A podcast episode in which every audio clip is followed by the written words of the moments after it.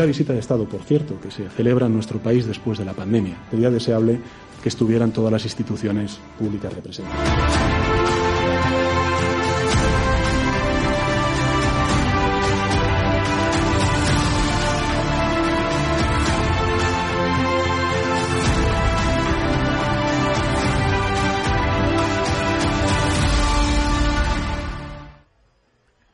Què tal, com esteu? Molt bona tarda a tothom. Benvinguts una setmana més i, de fet, la última d'aquesta temporada al Cultura Política. Benvinguts a Cultura FM i també una salutació a la gent que ens veu a través d'en reemissió de TVCAT.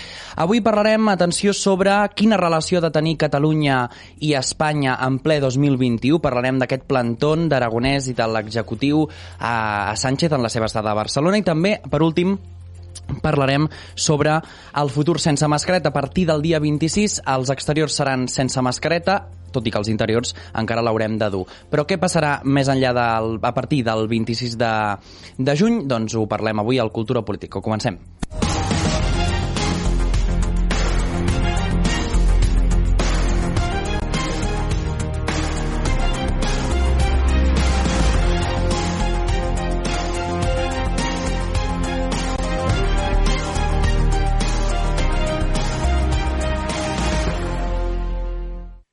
Parlarem de tots aquests temes que acabem d'explicar de, amb més detall, amb, en aquest cas amb la Paula Pastur de JNC. Què tal? Benvinguda. Bona tarda, gràcies. Amb el Poli Bosch de Jovent Republicà. Bona tarda. Amb el Sergio Pozo de, JN, de JSC, sí, anava a dir-ho malament. I amb la Noelia Palomino de Confluència Jove. Bona tarda. Benvinguts tots quatre. Doncs, si us sembla, abans d'aprofundir amb els temes de debat general, ens anem amb el titular.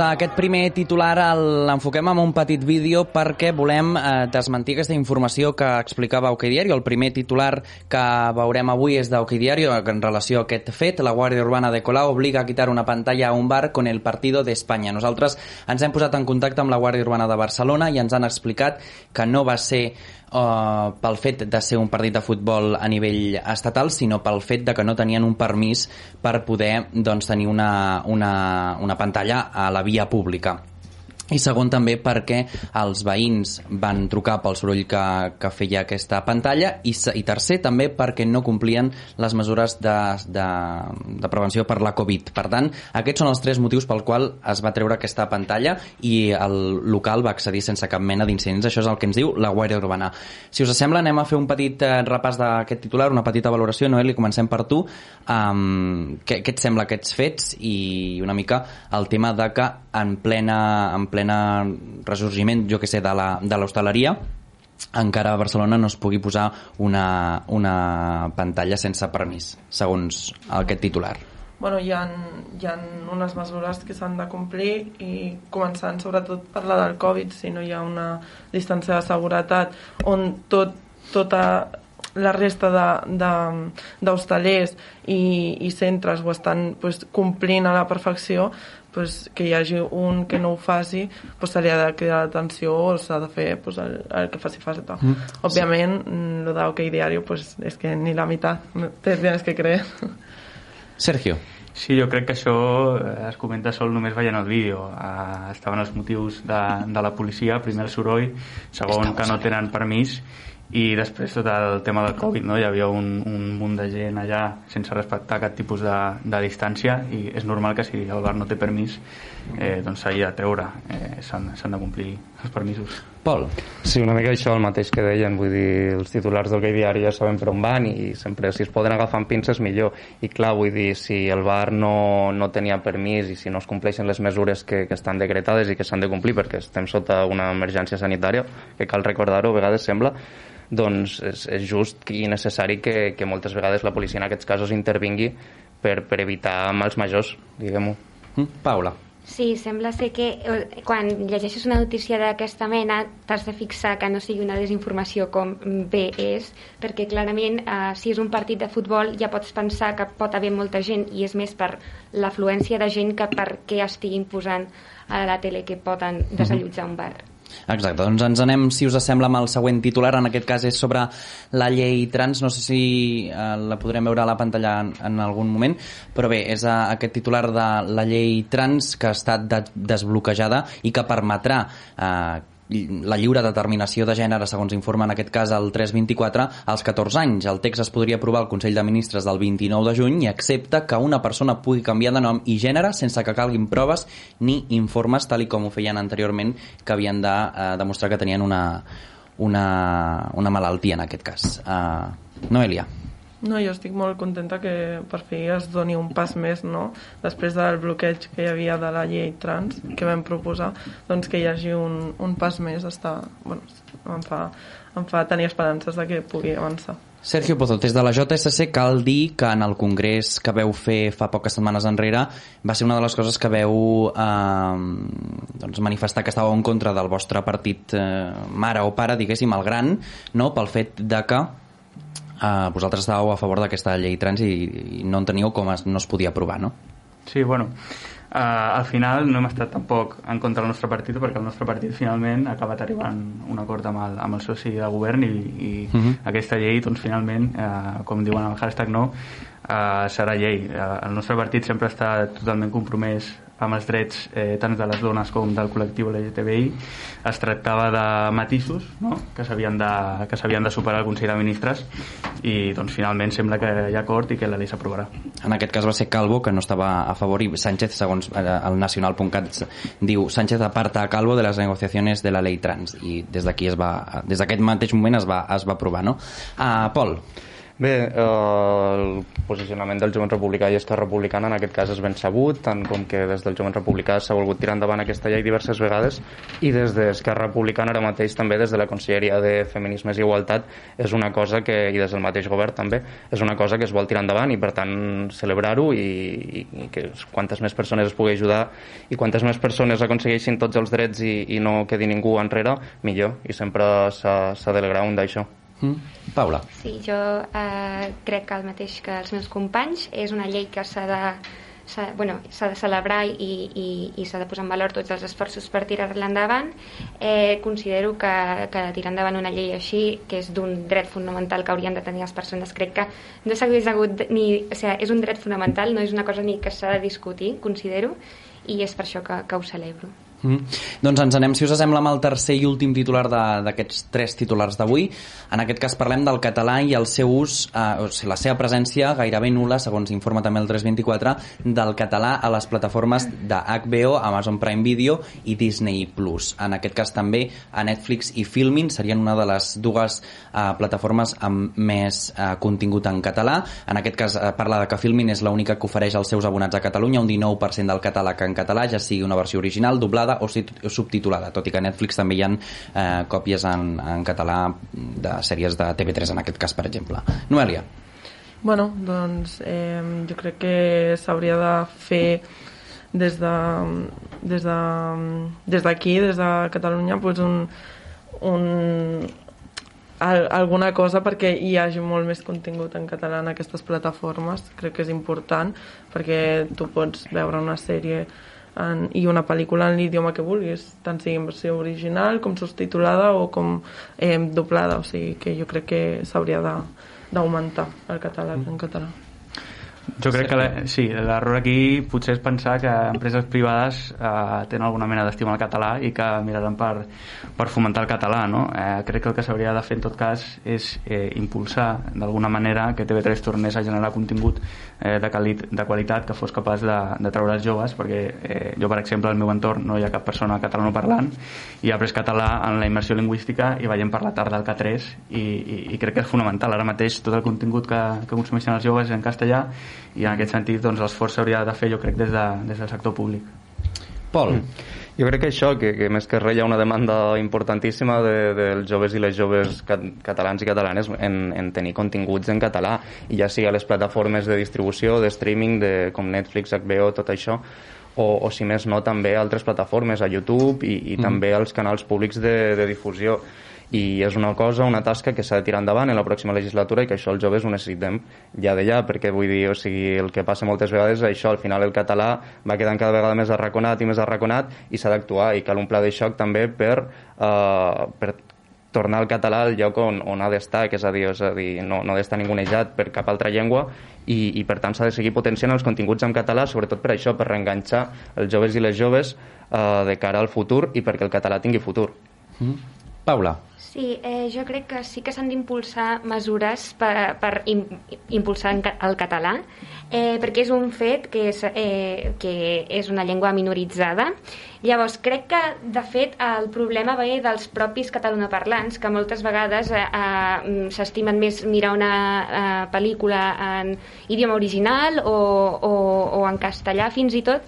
Llavors, eh, crec que hem de ser més conscients de que hem de consumir més cultura en català, tant sigui a, a plataformes a, audiovisuals com també a, en altres aspectes de la cultura, eh, perquè jo crec que crec i és un fet que quan més demanda hi ha d'una cosa, més diners s'inverteixen. Llavors crec que eh, els principals defensors de la nostra llengua hauríem de ser nosaltres i per tant nosaltres mateixos hem de ser conscients de que hem de fer servir tots els mitjans que tenim per fer ús del català més sovint de, de, de que ho fa normalment. Um, volia, volia explicar-vos, bueno, llegir un, un titular, en aquest cas és d'Ismael Bayarri, component de les joventuts de les noves generacions del PP, que també ha estat en aquest programa més d'un cop, que va fer un tuit dient el català, el catalán está entrando en desuso y cada vez se habla menos en Cataluña. Solo el 5% de los alumnos que se presentan a las PAU a la, a, las, a la selectivitat a Catalunya piden el examen en castellano. ¿Ahora qué? Jo crec és dir, que és una cosa valora? normalitzada, perquè és a dir, a Catalunya uh, el català és la llengua que, que diguéssim que, que predomina per damunt de les altres. Ara bé, això no treu que tinguem molta feina per davant en zones claus, diguéssim, que històricament han patit migració de part de l'estat espanyol, que és normal, una cosa totalment normal i normalitzada, però clar, que s'ha de fer una feina en tant que es pugui amb la immersió lingüística, amb la immersió lingüística com comentàvem abans, s'ha de seguir fent aquesta feina i cap al bon camí de que tothom es pugui integrar bé amb la llengua, amb, amb el català i sentir-se còmode i, i que la senti també els seus fills i les seves filles, perquè això és una feina de, de no imposar, sinó el simple fet de, de que tothom s'hi senti còmode i al final de retruc que això funcioni de cara al futur, que la gent ho parli perquè vol. I, i també cal potenciar polítiques públiques de suport al català i, i és això, si les xifres ho evidencien, el català és la llengua que, que prioritza l'estudiantat a l'hora de presentar-se a les proves d'aptituds a la universitat. Seguim potenciant aquest camí i encara ho hem de fer per altres àmbits. Vull dir, una xifra no, no treu que hi hagi altres aspectes que diguéssim que s'han de treballar molt més encara. No sé si voleu afegir alguna coseta al, a aquest tuit. Doncs bé, ens anem, si us sembla, encara el primer debat en aquest cas. Quina relació ha de tenir Catalunya amb Espanya en ple 2021? Això ho parlarem en, en el debat.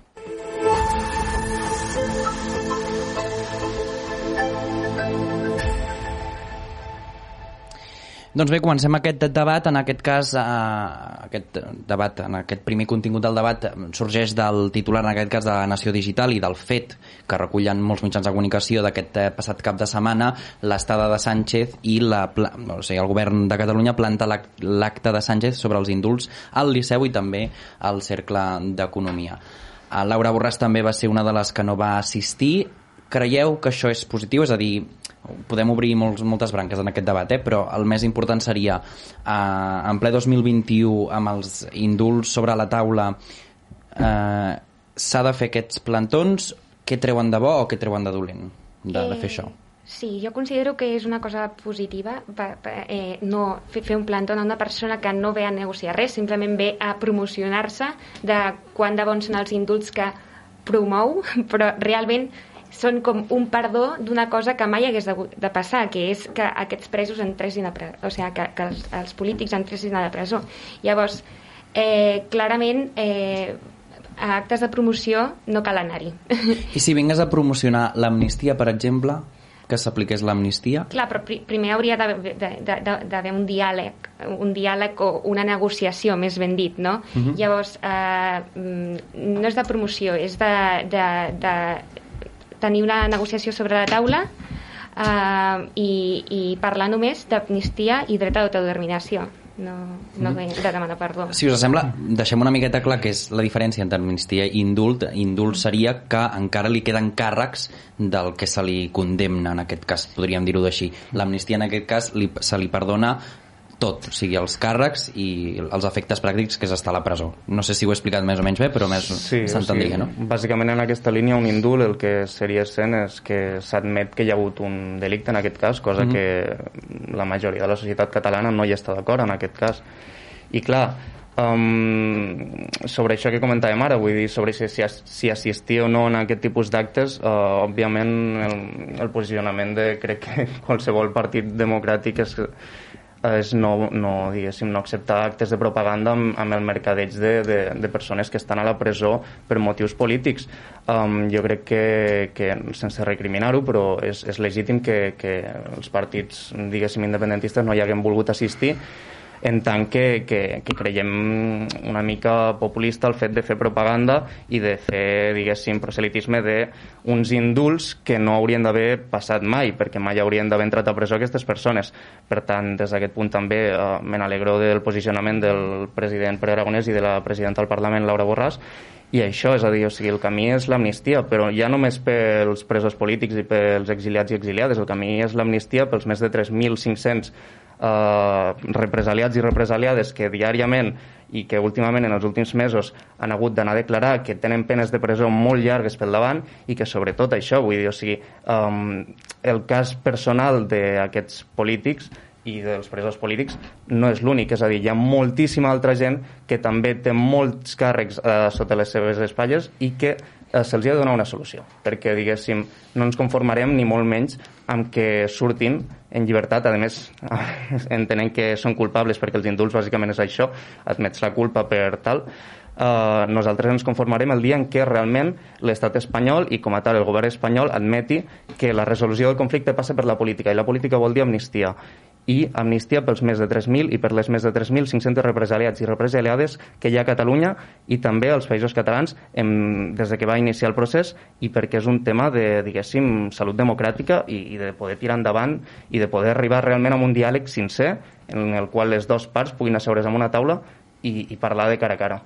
Però en aquest cas, per exemple, Jordi Cuixart eh, en seu judicial va admetre que havia comès un delicte, és a dir, el tornarem a fer estàs eh, autoculpabilitzant-te d'una cosa que saps que no has fet bé. Depèn, és a dir, jo, jo considero que les paraules de Jordi Cuixart i més en un judici no sóc qui ni, ni per recriminar-les ni per dir res en contra ni a favor perquè cadascú és, és, és diguéssim, portador de la seva defensa i, i això en un judici quan t'hi jugues tants anys de presó no sóc qui per, per diguéssim, posar-me en això, però sí que és cert que l'opinió en els partits independentistes és aquesta, vull dir, nosaltres apostem per una via a poder ser pactada i dialogada, però és a dir, uh, si aquesta via no arriba, nosaltres ho tornarem a fer, i ho diem amb la mirada alta i, i, i convençuts d'això i convençudes d'això, perquè és a dir, nosaltres tenim una, uns anels, uns objectius, i la societat també ens ho demana, perquè per així ho vota i, i, i el camí és aquest, vull dir, nosaltres apostem per això, com deia ara, el diàleg i, i per poder tirar endavant d'una forma dialogada i pactada, però ho tornarem a fer i és i serà perquè la societat ho demana. Mm -hmm. Els indults per Pedro Sánchez, sempre ho dic des de fa dues setmanes o tres, però Sánchez segueix defensant que és un bon moment els indults per uh, passar pàgina, per tenir una nova uh, oportunitat amb Catalunya, entre Espanya i Catalunya, o sigui, és passar pàgina això, no?, segons Pedro Sánchez. Vosaltres bueno, creieu que és, que és eh, així? Eh, sense cap mena de dubte és el primer pas. És el primer pas per poder passar pàgina. Uh, sobre el que deies abans de, del plantón, doncs, home, crec que és un plantó una mica uh, de cara a la galeria, una mica per contentar els, els, en aquest cas els independentistes, perquè si per una banda estàs eh, plantant un acte públic on es parla dels indultos que afecten directament a persones independentistes que a més havien estat al govern però després, per altra banda, confirmes que et reuniràs amb el rei d'Espanya al mobile o eh, ja has parlat amb Pedro Sánchez per telèfon per fer una, una visita cara a cara i començar el diàleg a la Moncloa, doncs crec que aquest plantón en un acte públic doncs, no deixa de ser una mica de, de gesticulació de cara, de cara a la galeria, no? Sobre el tema de, de l'amnistia, doncs, home, tenia en compte que eh, amnistia eh, seria reconèixer eh, que no ha passat res, no? perquè l'amnistia al final és, eh, és eh, establir que una persona no comet cap delicte i per tant la, la sentència doncs, doncs decau no? i no existeix perquè no, no, no existeix cap delicte. Eh, torno a reiterar eh, que vivim en un estat de dret, un estat de dret on hi ha, on hi ha lleis, les lleis s'han de complir i en tot cas hi ha separació de poders i quan els jutges eh, estableixen en sentència que hi ha un, de un delicte, doncs hi ha, hi ha hagut un delicte i en tot cas el govern en el seu exercici de la, de la potestat, en aquest cas dels indults, doncs decid, decideix fer l'indult com un primer pas cap a un diàleg que m'agradaria dir també que el diàleg eh, està partint, jo crec, eh, o almenys el que, el que percebeixo en aquesta taula, sobre una premissa eh, una mica viciada, perquè eh, el diàleg no és anem a parlar, anem a exigir el que jo vull i si no em doneu el que jo vull llavors ho tornarem a fer i ho tornarem a trencar la legalitat. Això no és el diàleg. El diàleg és seure de bona fe dues, dues parts eh, que són contràries i intentar arribar a un acord. Això és el diàleg. Si tots dues parts parteixen de posicions de màxim i cap de les dues parts està disposada a cedir, això no és cap mena de diàleg. Això és intentar posar una part sobre l'altra i, I, si ha de eh, cedir, I si ha de cedir algú, qui ha de cedir? Home, jo crec que han de cedir els independentistes crec, o el govern jo crec central? que han de cedir les dues parts, com a qualsevol tipus de diàleg. I com a Però el govern central tampoc de... té... O sigui, suposo que ho dius perquè mm, en aquest cas Esquerra Republicana o, o Junts no està cedint gaire en aquestes negociacions mm, o no tenia intenció de, de cedir gaire però també el govern central de quina manera hauria de cedir? Bueno, de moment eh, el president Sánchez ja ha pres una decisió que políticament és molt arriscada i que pot tenir molts costos electorals a Espanya, que és fer l'indult, no pensant en el bé de, del partit, sinó pensant en el bé de, del país en el seu conjunt. I ha pres aquesta decisió i és un primer pas. Un altre primer pas és per Aragonès reunint-se amb Pedro Sánchez a la Moncloa, si no m'equivoco, un mes vinent, per continuar parlant. I s'han d'anar a fer passos i en el moment de la negociació, doncs, evidentment, s'haurà d'arribar a un acord i, uh -huh. i aquest acord eh, segur que s'arribarà serint entre les dues parts és que si no, no és un acord uh -huh. Noelia, Confluència Jove o, o Unides Podemos en aquest cas seria una mica el, el discurs que estaria entre, entre tots els, els que acabem d'escoltar, no? Una mica sí. estaríeu enmig. Bueno, sí, o com bueno. us posicioneu?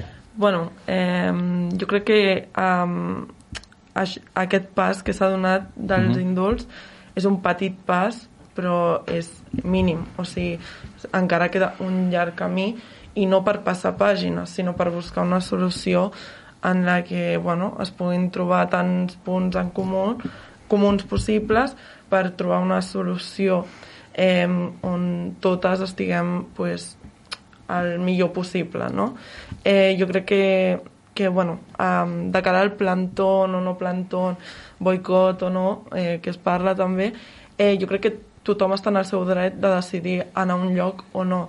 Vull dir, si així ho creuen perquè, bueno, eh, és la nostra forma de reivindicar una cosa, pues, s'ha d'acceptar. Òbviament, el que em semblaria malament és que es fes el plantón a una taula de diàleg on, però no és el cas, vull dir, que ha estat a un altre, en un altre lloc, en una altra situació.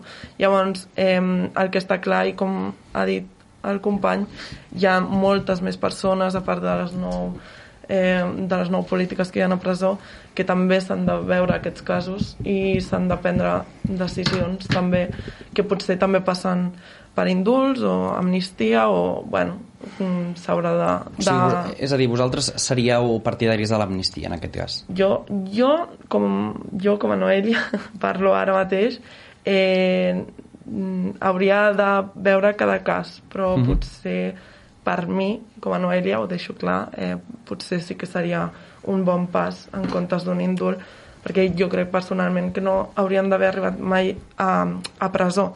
Però bueno, també les lleis estan com estan, s'hauria de revisar també tot el Codi Penal i fer una, un bon, una bona bueno, eh, actualització, no? I, i llavors per, per mi passaria per pues, veure quin, quin, ha, quin ha estat el problema per portar-los a presó quan no havien d'estar. Mm. I, bueno, pues, eh, fer d'aquí una resolució. Sí, Pol. Sí, una mica, només per ficar dades sobre la taula també, perquè crec que a vegades és necessari.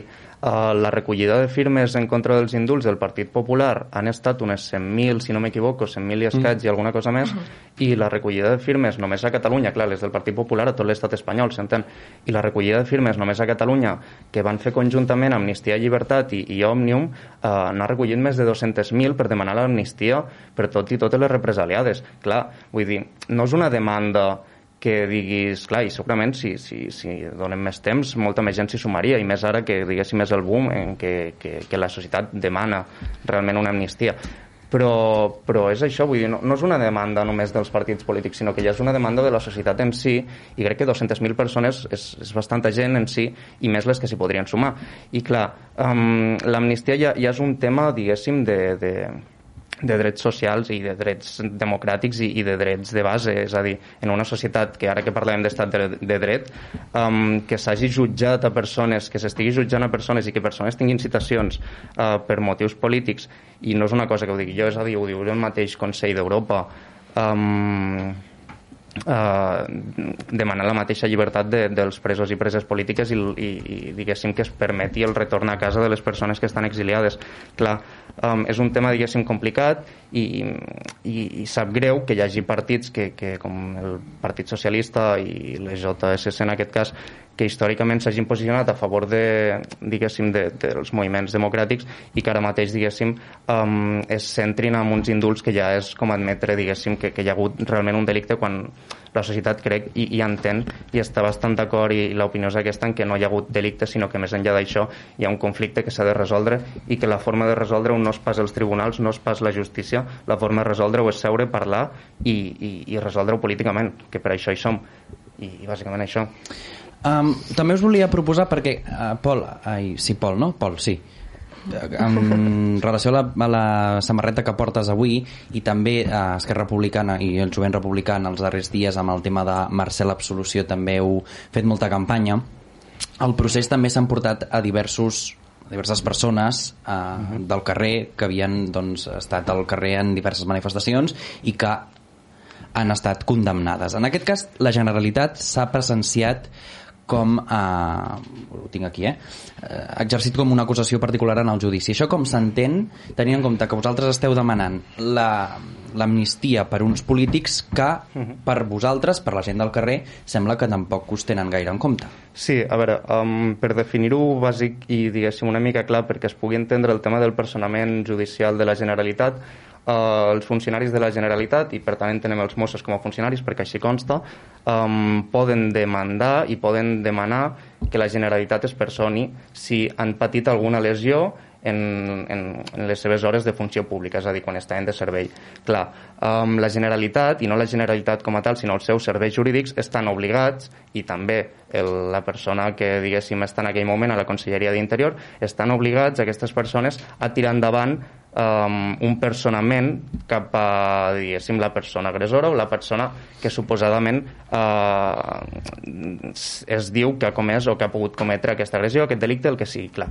Um, dit això, moltes vegades eh, la policia catalana, en aquest cas els Mossos d'Esquadra, han utilitzat aquesta tècnica també per, diguéssim, mm, muntar eh, fer muntatges policials i acusar falsament a persones, com és el cas del Marcel Vivet, també, al qual des d'aquí tot el suport i, i pel que faci falta, eh, doncs això, diguéssim, és una forma que ara amb la nova legislatura també es vol pretendre canviar eh, en com i els criteris d'aquests protocols de personament de la Generalitat, però encara falta molta feina i s'ha de fer molta feina per poder arribar a canviar-ho realment el meu posicionament, que el Marcel no hauria d'estar imputat i no hauria d'haver estat condemnat a 5 anys. Igual això, com, molts altres, com moltes altres persones que també han tingut condemnes per, per culpa d'aquests personaments. Um, sap greu també que s'ataqui a certs partits acusant de, de que ens hem posicionat a favor de, a favor de la condemna del Marcel quan des del primer dia almenys el jovent republicà i també Esquerra Republicana hi hem estat donant suport i, i ells ho saben també. Eh? i hem estat donant suport al Marcel i, i a també altres persones que han estat represaliades. I també donar un petit missatge des d'aquí al, al company, al Pol, uh, no sé qui, l'altre Pol, mm -hmm. um, que li demanen també 8 anys també per manifestar-se per la independència en una manifestació i clar, són, va sumant persones, va sumant condemnes i al final és bastant, una situació bastant trista veure com companys i persones que coneixes i també persones que no coneixes com al final eh, la justícia i bueno, més aviat la injustícia eh, se les volen portar per davant i tancar-les a la presó només perquè saben que, que, que poden canviar les coses. I vist això, encara seguiu eh, o sigui, dient que ho tornareu a fer, a fer veient tot el que ha passat, o sigui, em remeteixo a les condemnes que estem parlant ara mateix, és a dir, eh, són condemnes reals, la gent està a la presó per manifestar-se, sigui lícit o jo aquí no entraré, però són condemnes que esteu a la presó per manifestar-vos. És a dir, i encara així seguiu tenint compromís per un fet que us està repercutint de manera negativa? Bé, crec que no s'ha de tenir en compte aquesta frase d'ho tornarem a fer, sinó eh, s'ha d'obrir aquest, eh, aquesta negociació per, per tenir mm -hmm. un referèndum eh, i a partir d'aquell referèndum els catalans podrem decidir si volem continuar sent part d'Espanya o no. De fet, en les últimes eleccions eh, ja ha sortit una majoria independentista.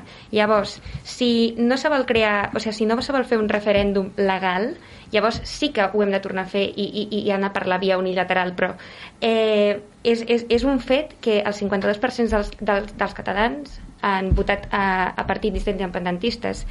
Eh, també m'agradaria parlar sobre el que eh, mm, hem parlat abans de, de és, és clar que hi ha lleis, però també s'ha de tenir en compte que hi ha drets fonamentals i posar a la presó a gent que no ha comès cap delicte eh, és aixafar un dret fonamental.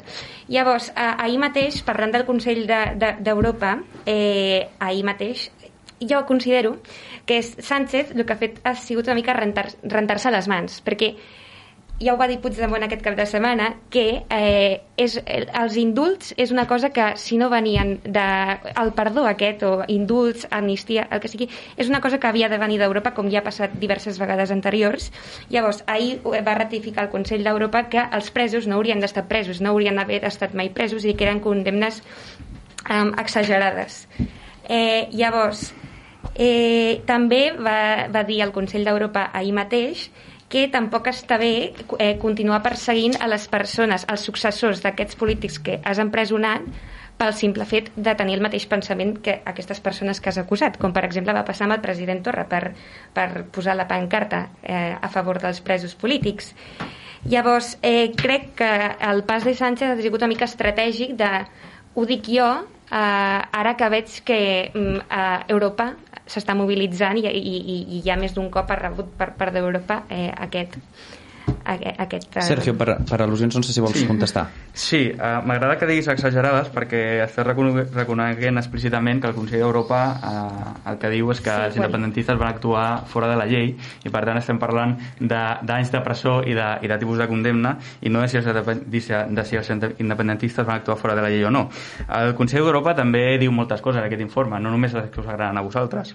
Diu, per exemple, que Espanya és una, és una democràcia uh, reconeguda, diu que els eh, independentistes van actuar fora de la llei i demana uns indultos, eh, uns indults, uns indults que en tot cas eh, jo crec que eh, ningú se'n passarà que els indults eh, venen, eh, com, venen donats avui perquè uh. -huh. ahir va sortir un informe del de, eh, Consell d'Europa quan fa setmanes que s'estan parlant dels indults i quan tots sabem que els indults eh, porten setmanes, eh, porten setmanes eh, damunt la taula.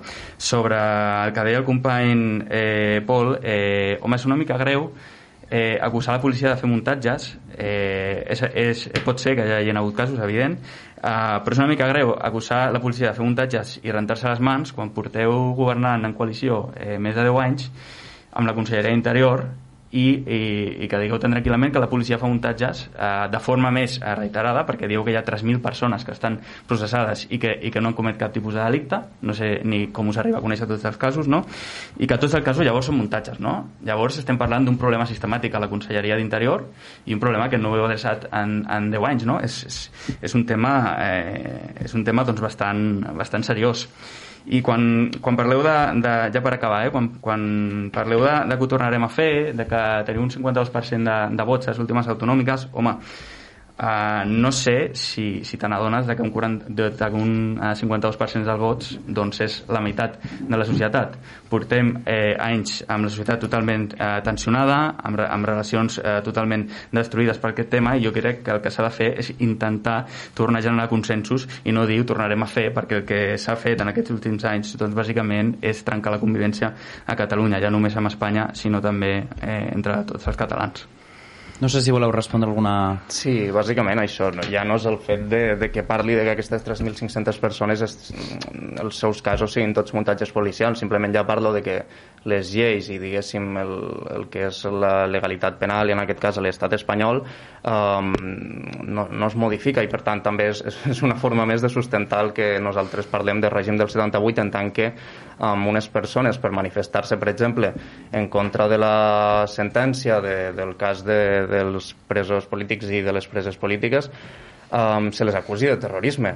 És a dir, um, realment la justícia espanyola és tan, o sigui, pot arribar a l'extrem de banalitzar el que és el terrorisme real per poder intentar emportar-se un moviment per davant i a persones a la presó eh, només per manifestar-se i sortir als carrers, que, que, que és una animalada realment. Vull dir, clar, això és un exemple per extrapolar-ho a tots els altres casos de com de injustes poden ser segons quines sentències i com d'injustos poden ser segons quins casos i, i en segons de quines persones. Clar, Um, mirat així, uh, jo crec, i crec que és, diguéssim, bastant notori i que ja no ho dic jo, sinó simplement molts organismes internacionals, que l'estat espanyol, en tema de legalitat um, a l'hora de, de, de manifestacions i drets de manifestació i, i diguéssim drets quan algú vol intentar autodeterminar-se um, són bastant justets. Quins? Són bastant justets. Per exemple, vull dir, mira, um, que per exemple a l'estat espanyol tu vulguis organitzar un referèndum perquè tant la gent del no com la gent del sí pugui votar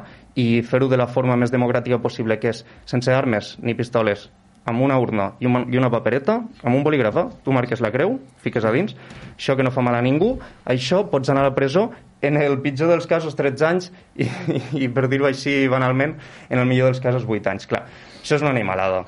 Això és una animalada i això pots extrapolar a molts altres casos. El que parlàvem ara del muntatge policial, el Marcel, se l'acusa d'una cosa també, que amb un company, amb un altre xaval també, el mateix mosso que va declarar eh, en contra del Marcel acusa un altre noi pels mateixos fets resultat de eh, les mateixes declaracions són, són diguéssim, és a dir, hi ha clarament muntatges policials, la justícia no només està podrida, sinó que a més es veu i és notòria a nivell europeu que la justícia espanyola té carències democràtiques i, i diguéssim, les lleis, una cosa que la Constitució espanyola és de les poques del món que no s'ha canviat i sobretot de les poques a, l'estat, a, a Europa que no s'ha canviat des de fa molt. I l'única vegada que es va canviar va ser per la deuta, al, per la reforma que va vindre que va vindre imposada des d'Europa. De, des Clar, és greu, és greu. Vull dir, ah, carències democràtiques sí, n'hi ha per tot arreu. S'ha canviat, canviat un altre cop també, el 92 perquè les persones puguin votar a les eleccions municipals. Doncs no sé si voleu afegir alguna coseta d'aquest debat, el donem, si us sembla, per tancat. Ens anem a parlar amb el Germán Zambrana de eh, xarxes socials i de màrqueting polític dins d'aquestes.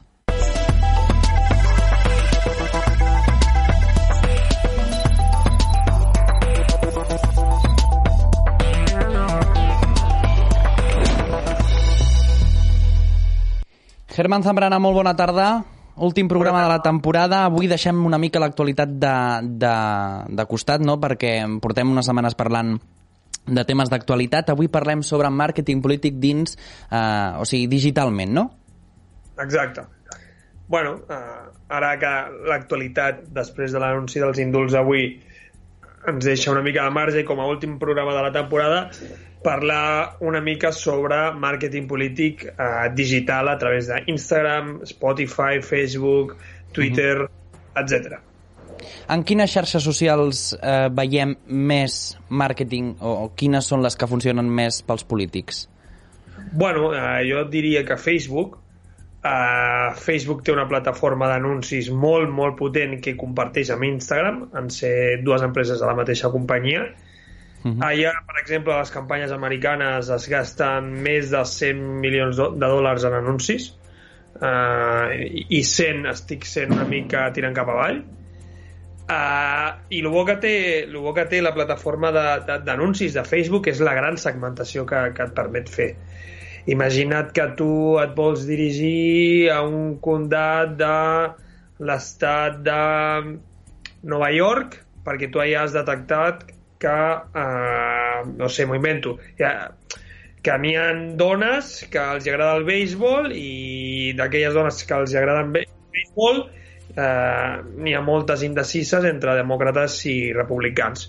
Pues, fins i tot pots dir-li a la plataforma els codis postals on viuen aquestes dones i tu dirigir-los l'anunci, per exemple. Mm. O fins i tot pots eh, segmentar si són demòcrates o republicans. Això a Espanya no està permès, però, per exemple, als Estats Units, tu quan inicies una campanya d'anuncis a Facebook Ads, pots dir-li bueno, jo vull que, aquesta, que, que aquest anunci el vegin gent republicana o gent demòcrata. En aquest cas, Germán, eh, estem davant d'una potència publicitària molt més important degut a aquesta segmentació que ens explicaves, eh? Uh, o sigui, és més potent les xarxes socials uh, que, per exemple, un anunci de televisió o de ràdio del que estem acostumats a veure fins fa, fins fa pocs anys? jo crec que depèn de l'estudi que, tu, que tu fas, no? Uh, uh -huh. Fer una campanya a Facebook Ads, jo, jo t'he dit ara que, clar, fan campanyes, es gasten en una campanya més de 100, 200 milions de dòlars, no?, per exemple, però, clar, el cost de fer un anunci és molt barat. Tu a Facebook pots uh, fer campanyes d'anunci per un dòlar, és el mínim és la quantitat mínima. Fer un anunci de, de televisió, producció, postproducció, eh, despeses, actrius, actors... Eh, vull dir, és una cosa molt diferent, no? uh -huh. uh, el que permet Facebook és arribar a molta més gent, no? sobretot a, als joves, no? i això ja ho, ho, ho, ho relaciono, per exemple, amb la plataforma d'anuncis de, de Spotify, no?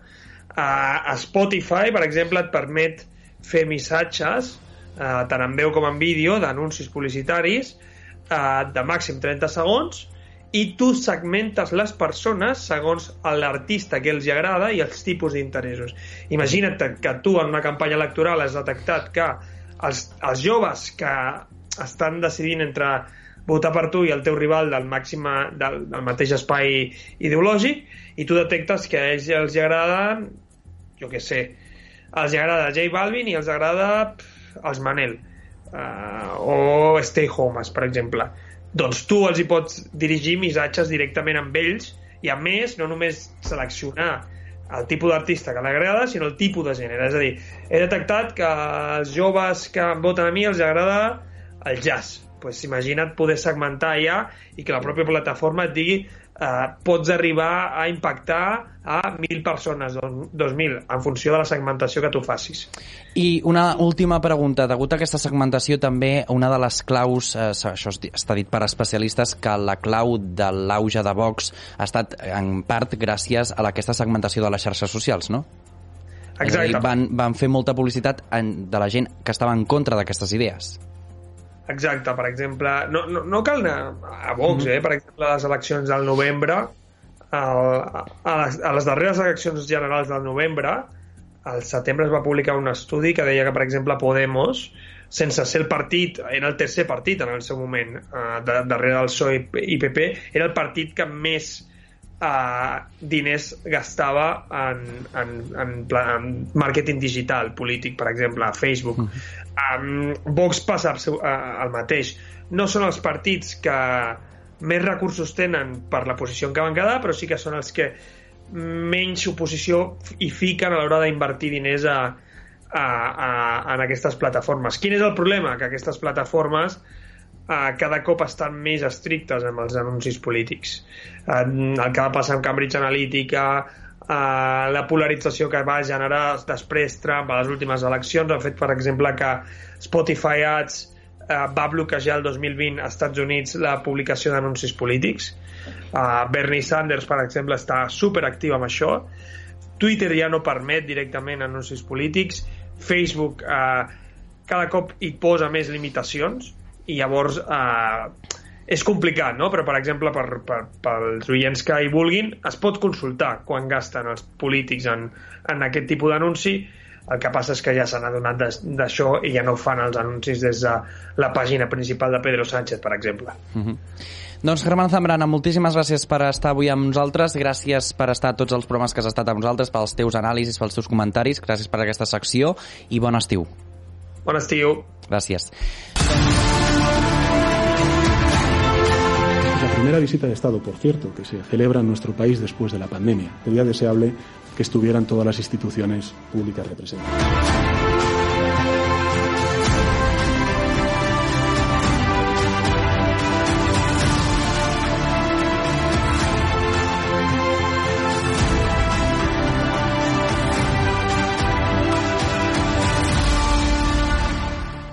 Bé, doncs quina relació han de tenir els polítics en ple 2021 entre Espanya i Catalunya? Això ja ho hem parlat, ara ens anem cap al segon, al segon debat en aquest cas. Parlem sobre el futur sense mascareta. Ja sabem que el dia 26, ho va dir Pedro Sánchez aquí a Barcelona el passat divendres, eh, seria el dia en què podríem anar al, per l'exterior sense mascareta. Això sí, vosaltres què recomaneu? Que per molt que no sigui obligatori, la gent no, o sigui, no, la mesura no és obligatòria treure-se-la a l'exterior, ens la podem seguir posant per prevenció, no? El doctor Oriol Mitjà a TV3 va explicar el programa Planta Baixa el mateix divendres que la gent que no estigués vacunada seria aconsellable que, que portés la mascareta. Vosaltres coincidiu amb això? Bé, Paula? jo crec que com és una recomanació, cadascú ha de ser conscient de què fa i què no. O sigui, no és una imposició, així que cadascú ha de ser conscient a què s'exposa, si se la posa o no. També eh, és important saber que una relaxació de les mesures no vol dir una relaxació de la nostra actitud. Llavors, simplement crec que la gent ha de ser conscient. Per exemple, si va pel carrer sola mm, doncs sí que, mm, com ara no és obligatori, doncs estaria com justificat, però si te la baixes a, a on hi ha molta gent, doncs has de saber que tens uh, més probabilitat de, de contreure el virus.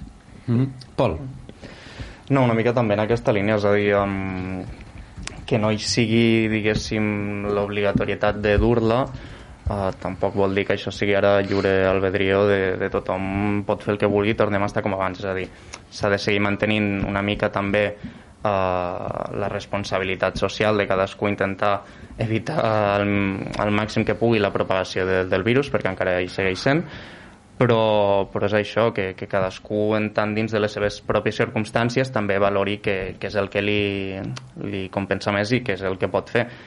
Um, crec que és una bona notícia també perquè també representa que les coses s'han fet bé i s'estan fent bé i que s'està avançant cap a la bona direcció i que per tant uh, que vinguin més mesures com aquestes perquè serà una alegria també entenent que estarem cada vegada més a prop de poder arribar al final d'aquesta pandèmia i, i poder tornar una mica a la situació com érem abans, almenys, almenys encara que sigui un percentatge mínim, però cada vegada més a prop de, de com estàvem abans. Tenint en compte el que el ritme de vacunació, sé que no, eh? però eh, Pedro Sánchez va explicar en el Cercle d'Economía aquí a Barcelona que nos vamos acercando cada día a la normalidad a secas. Queremos que se recupere la economia i que sea una recuperació justa i duradera i per això doncs, eh, traiem l'obligatorietat d'aquestes mascaretes. Però és que aquesta frase la va dir la, el mateix any, o sigui, el, la mateixa frase la va dir l'any passat i mira el que va venir després. Ens hem de fiar d'aquesta declaració i hem de fer cas a seques, aquesta normalitat a seques? Bueno, jo crec que hi ha una diferència fonamental i és que l'any passat encara no s'havia començat amb la vacunació i jo crec que tampoc eh, hi havia el coneixement sobre el virus i sobre l'evolució de la pandèmia que, que es té ara, no? Però hem de tenir en compte que els principals portadors del virus, que som els joves, en aquest cas, som els que més ens movem, encara no estem vacunats.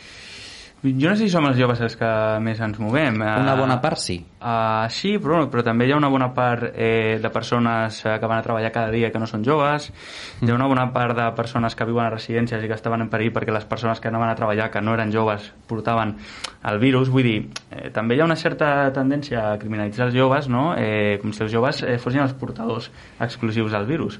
Els joves jo crec que hem estat responsables i que en tot cas, eh, primer, les persones que ara són eh, de risc, no ja per, per eh, enfermetats o per malalties, sinó per edat, ja estan vacunades i, i per tant eh, és més difícil que, que es contagin i segon que és més difícil que acabin derivant en, en, en enfermetats i malalties greus. Eh, per tant, eh, hi ha unes recomanacions que entenc que no s'han basades en la improvisació, que s'han fet basades doncs, en experts i en els funcionaris del Ministeri de Sanitat i, i per tant jo crec que les persones eh, que en aquest cas eh, no som experts doncs hem de complir amb les recomanacions eh, com, com ens indiquen i també no és obligatori no portar la mascareta. Qui es continuï sentint més còmode portant la mascareta o qui consideri que encara s'ha de portar doncs que la portin sense cap problema.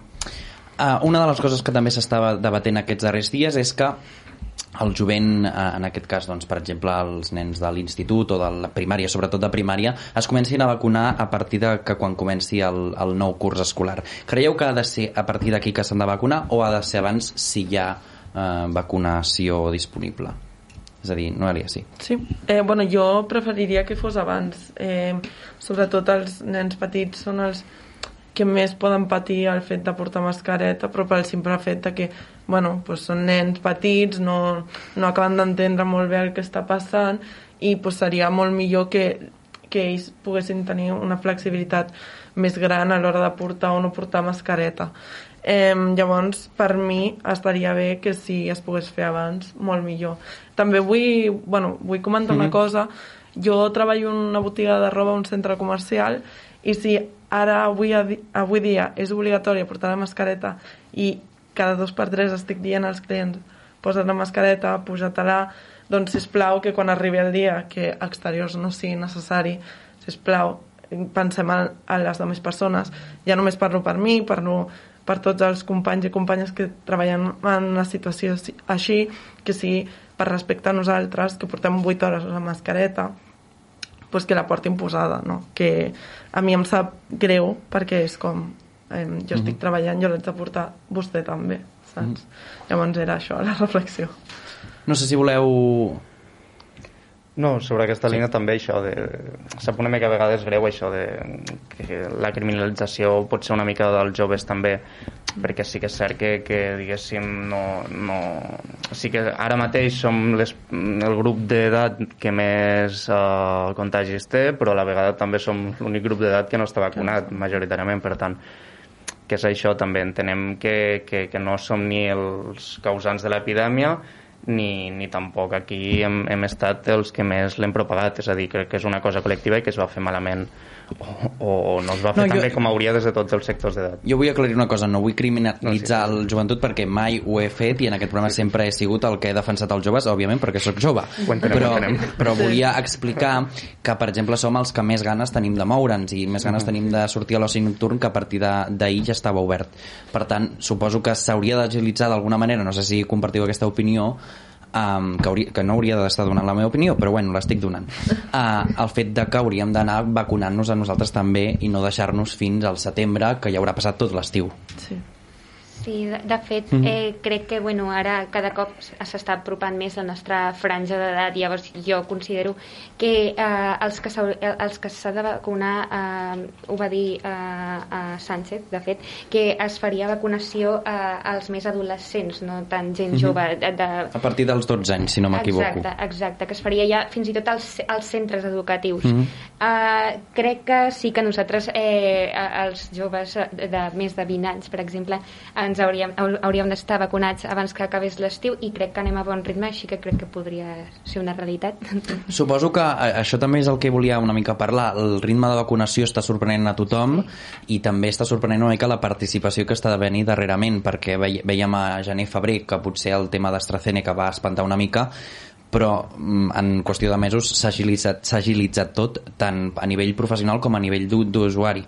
Mm. No sé quina valoració teniu, suposo sí, que positiva. Sí, jo, jo crec que no és una anècdota. Jo crec que, que a Espanya tenim un sistema sanitari excel·lent, eh, amb competències que estan descentralitzades a les comunitats autònomes, uh -huh. que la majoria de comunitats autònomes estan fent una feina excel·lent i que estan complint amb el ritme de vacunació, és a dir, posant les vacunes que poden posar, i que ja no és tant una qüestió de, de prioritzar grups o d'intentar posar més vacunes, perquè és que crec que s'estan posant totes les vacunes que es poden posar, i que tenim un, un sistema basat en l'atenció primària doncs, que ha donat uns resultats excel·lents eh, quan compares amb altres països no? doncs tenen sistemes sanitaris que es basen en, en per exemple en hospitals i no en centres d'atenció primària on la, la velocitat de vacunació és molt més baixa mm -hmm.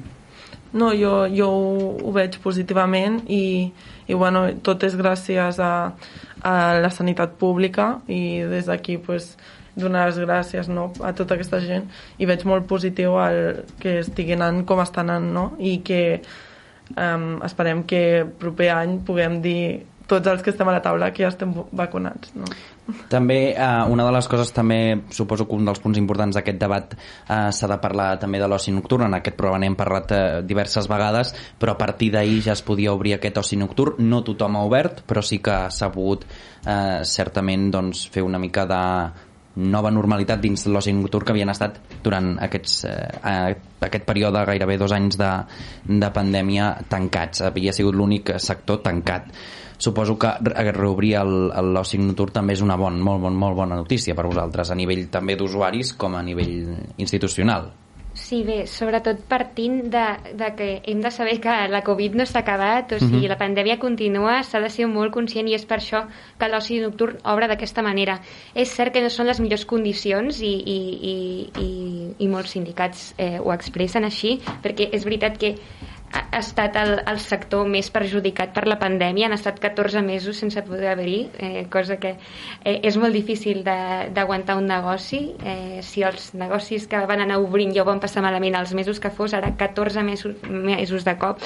I clar, és un fet que la gent eh, que consumeix oci nocturn, com podem ser nosaltres, és una mica com no et dona 100% la confiança d'anar-hi pel fet de que has d'estar eh, assegut amb el teu grup, o sigui, pot ser eh, la gent de la nostra edat per, per fer això anem a un bar. Llavors, cosa que no estem ajudant a l'oci nocturn, llavors és per això que jo crec que moltes empreses han decidit per no obrir, perquè per obrir així, doncs és veritat que eh, mm. eh, s'atrien altres alternatives moltes vegades molts sindicats de l'oci nocturn deien que eh, per fer com si fos un restaurant de que és una mica el que explicaves no? d'obrir quan obria o sigui per, per acabar a les 3 de la matinada que ja ni, ni obrien, no? una mica el que explicàveu. També s'ha d'explicar una mica les dades de, de la prova d'oci nocturn aquí a Catalunya, que va ser a Sitges, 400 persones al mes de maig eh, van fer una petita festa eh, al carrer del Pecat de Sitges i els resultats han estat zero contagiats amb totes les mesures d'aquest oci nocturn. Per tant, no sé si voleu comentar també aquestes dades. No, són, són molt bones i pues, pronostiquen un futur sense contagis i que puguem avançar cap a una nova realitat, tot i que sí eh, com abans però amb mascareta, bueno, però almenys mm -hmm. ja és un, és un pas, no? Que espero que sigui molt més proper i igual que bueno, el concert que es va fer de Love of Lesbian, sí, crec que va ser mm -hmm, pues, igual que, que va donar com el tret de sortida que puguin haver-hi concerts i que, bueno, que poquet a poc siguin més no asseguts, sinó de peu pues, bueno, és un gran pas. Doncs acabem aquest programa d'avui, que és l'últim de la temporada. Abans, però, vull fer una ronda una mica, una mica en relació al que explicaves, no? que estem parlant de manera molt optimista de que l'oci nocturn està obrint, que tot comença a estar amb una certa normalitat gràcies a la vacunació, sobretot cal deixar-ho clar, però eh, d'una manera ràpida, eh? què li diríeu a la gent que ens està veient, sobretot suposo que la gent més jove, eh, perquè prengués consciència per aquest estiu que ens espera? Si et sembla, Paula, de manera molt ràpida perquè no tenim gaire temps, eh? Doncs jo diré mm, tres coses, que és distància, mans, mascareta i que no ens relaxem del tot. Mm. Pol. En la mateixa línia, um, escoltar les recomanacions científiques perquè són les persones que realment saben del tema i, i seguir disfrutar al màxim que es pugui, però sempre tenint en compte que la pandèmia segueix i que el virus segueix estant entre nosaltres. Sí, no, les coses estan anant molt bé, eh, les proves pilot aquestes doncs, demostren que si les coses es fan bé eh, doncs no hi, ha, no hi ha cap perill en aquest sentit i que si volem eh, sortir de festa i que si volem retornar a la normalitat doncs hem de continuar sent responsables i no només nosaltres sinó també les institucions. Noelia? Anem bé, l'únic que encara segueix el virus, així que anem amb compte. Doncs eh, ens quedem amb aquestes recomanacions, nosaltres acabem aquí, abans però recuperem un petit vídeo d'un dels millors moments, alguns, d'aquest programa, d'aquesta temporada. Què tal, com esteu? Molt bona tarda a tothom. Sigueu doncs, tots molt benvinguts al Cultura Política una setmana més. Avui parlarem, atenció, sobre... Eh, jo aquí demanaria una foguera de confrontació entre els comuns i Junts per Catalunya. El que no pot ser és que entri amb un dels delictes que és injúries a la corona. Es un tema jurídico, claro, porque al final este hombre está en prisión. ¿Por qué? Porque hay una sentencia. Aquí nadie entra en prisión sin una sentencia. A la jornada electoral van passar moltes coses, el recompte també. Una persona amb un segell de la República no sé quin benefici li donarà. Continuar lluitant contra aquest patriarcat que al final, si no ens donen respostes, si no ens sentim segures ens hem de defensar. Y, y lo estamos viendo, pues está, se están tirando los trastos, es evidente que es el mismo gobierno. Perquè, entre altres coses, ens permet eh, reactivar eh, el turisme. I tot passa per Waterloo, la butaca i que la CUP faci en perdó, que són els tres titulars que han regnat a Catalunya els últims temps. Pràcticament de fer una declaració unilateral d'independència sotmès al poder executiu, legislatiu i judicial d'Espanya. També gràcies a la gent que està a casa. Ens veiem la setmana vinent. Ada Colau en aquest cas també explicava que m'ha marxat la llum, no sé per què.